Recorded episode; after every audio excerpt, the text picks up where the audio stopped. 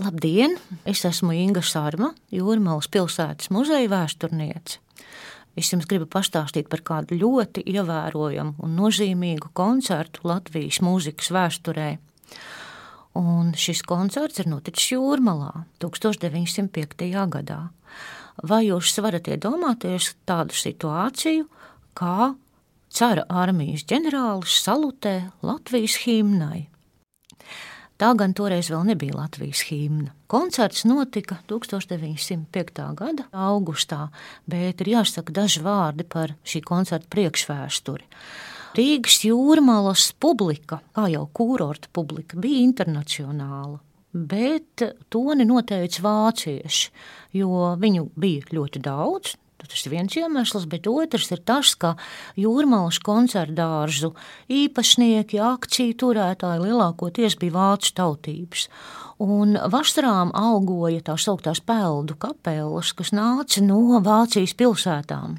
Arī mūzika, ko atskaņoja galvenokārt, bija eh, Beethovens, Mocards, Vāgners, Rihards Strauss. Tātad tā bija visa vācu mūzikas pasaule, kas tur apgrozījās. Un līdz pat 1887. gadam nu, neviens eh, latviešu komponists nekad netika atskaņots šajos koncertos. Nu, pirmie latviešu komponistu atskaņojumi Horndārsā, Majoros, bija neveiksmīgi.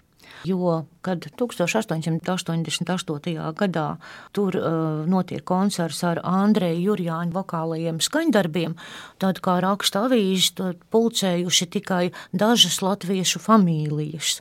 Un savukārt 89. gadā, nākamajā gadā, kad notiek Jāzepa Vītola uh, simfoniskās poēmas līgo koncerts, tad toreiz skatītāji ir vairāk, jo avīzes nekur nav pieminējušas, ka tāds vītols tur vispār tiks atskaņots. Bet vācu kritika ļoti vērsa.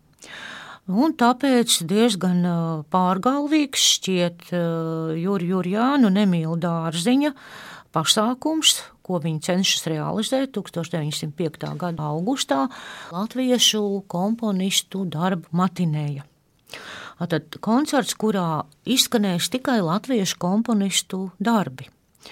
Nu, Hornidārs īpašnieks Vāce ļoti neatsaucīgs. Gan tāpēc, ka viņš uzskata, ka nesavāks publiku, gan arī tāpēc, ka piektais gads ir ļoti trauksmaini laiki, riņķī apkārt, visi dumpojās. Jā, un, un tas ir diezgan riskanti pielaist tur latviešus pilnu dārzu ja nu viņi sanāks pilns dārs.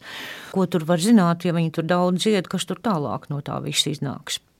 Bet eh, beigu beigās tomēr izdodas eh, rezervēt Hornu dārzu 2. augusta pēcpusdienai. Vakaram vācis neatvēl viņiem šo vietu. Nu, un tad ir atkal problēma, jo latviešiem tajā laikā nav savu simfoniskā orķestra, un tāpēc tas ir jāatrod kaut kur citur.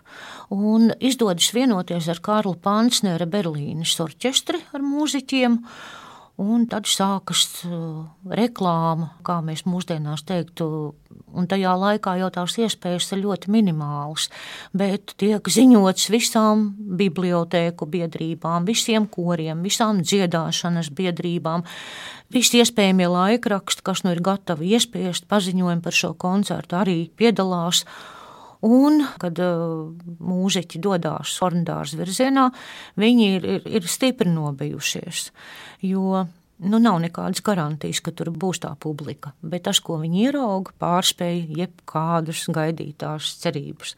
Jo ne tikai dārsts ir stāvgrūdām pilns, bet arī joms iela, tirgoņa iela un arī omnibus iela, visas ielas apkārt Horndārzam ir pilnas, tur ir pūlis. Un iznāk tā, ka Mūziķiem ar visiem saviem instrumentiem ir jārāpjas pāri žogam, lai viņi varētu nokļūt uz skatuves. Arī Emīlam Dārziņam jākāp pāri žogam, un Jurim Jurjānam, kurš diriģē koncertu, un Jēkabs Duburs, kuram bija paredzēts izpildīt vokālos skaņdarbus, viņš eh, kāp caur puķu veikalu logu, kas atrodas līdzās estrādei. Šajā koncertā vēl ļoti uh, svarīga lieta Emīls Dārziņš ir sagatavojis divas jaunas kompozīcijas. Tā ir vientuļā priede un melanholiskais valšis. Un tā kā vientuļā priede tapa īsi pirms koncerta, tad viņš bija pierakstījis viņu ļoti nekārtīgi ar zīmoli. Un, uh, Tad uh, profesora Jurija Jurjāņa sieva Amālija bija tā, kas uzņēmās pārrakstīt notis uh, orķestrim. Nu, tad visi ir laimīgi nokļuvuši uz skatuves, un koncerts sākas. Un koncerts norit ļoti veiksmīgi. Pavadījumu vokāliem uh, skaņdarbiem spēlēja Emīls Dārziņš. Tur piedalās arī Ārīgas, Pēterburgas uh, dziedāšanas biedrības koris. Un pašā koncerta izskaņā skan Latviju tautas lūksna, Baumaņa kārļa, Dievs svētī Latviju. Tā tobrīd nav vēl valsts himna, jo Latvijas valsts jau vēl nav tapusi. Bet publika ir tik ļoti saviļņota, ka visi kājās stāvot dzied līdzi un prasa atkārtot skaņdarbu trīs reizes, un pirmajā rindā pie pašas skatuves sēž kāds cārā armijas ģenerālis. Nu, viņš arī jūtot to saviļņojumu, ko ir radījusi mūzika, un redzot to publikas pacelātību, viņš militāri salutē, tā kā pieklājās, kad atskaņo himnu. Bet pēc tam viņš tā kā topās, un tad viņš eh, pieiet pie diriģenta un saka, nu, ka tagad vajadzētu arī Krievijas valsts himnu nospēlēt Božets ar Ahraņī. Bet iznāk tā, ka orķestra mūziķi ir vācieši. Nošu viņiem nav, un no galvas viņi to gabalu neprot. Un tā arī neatskaņoja. Un tā arī palika, kad šis pirmais latviešu simfoniskās mūzikas koncerts noslēdzās ar Dievu svētī Latviju.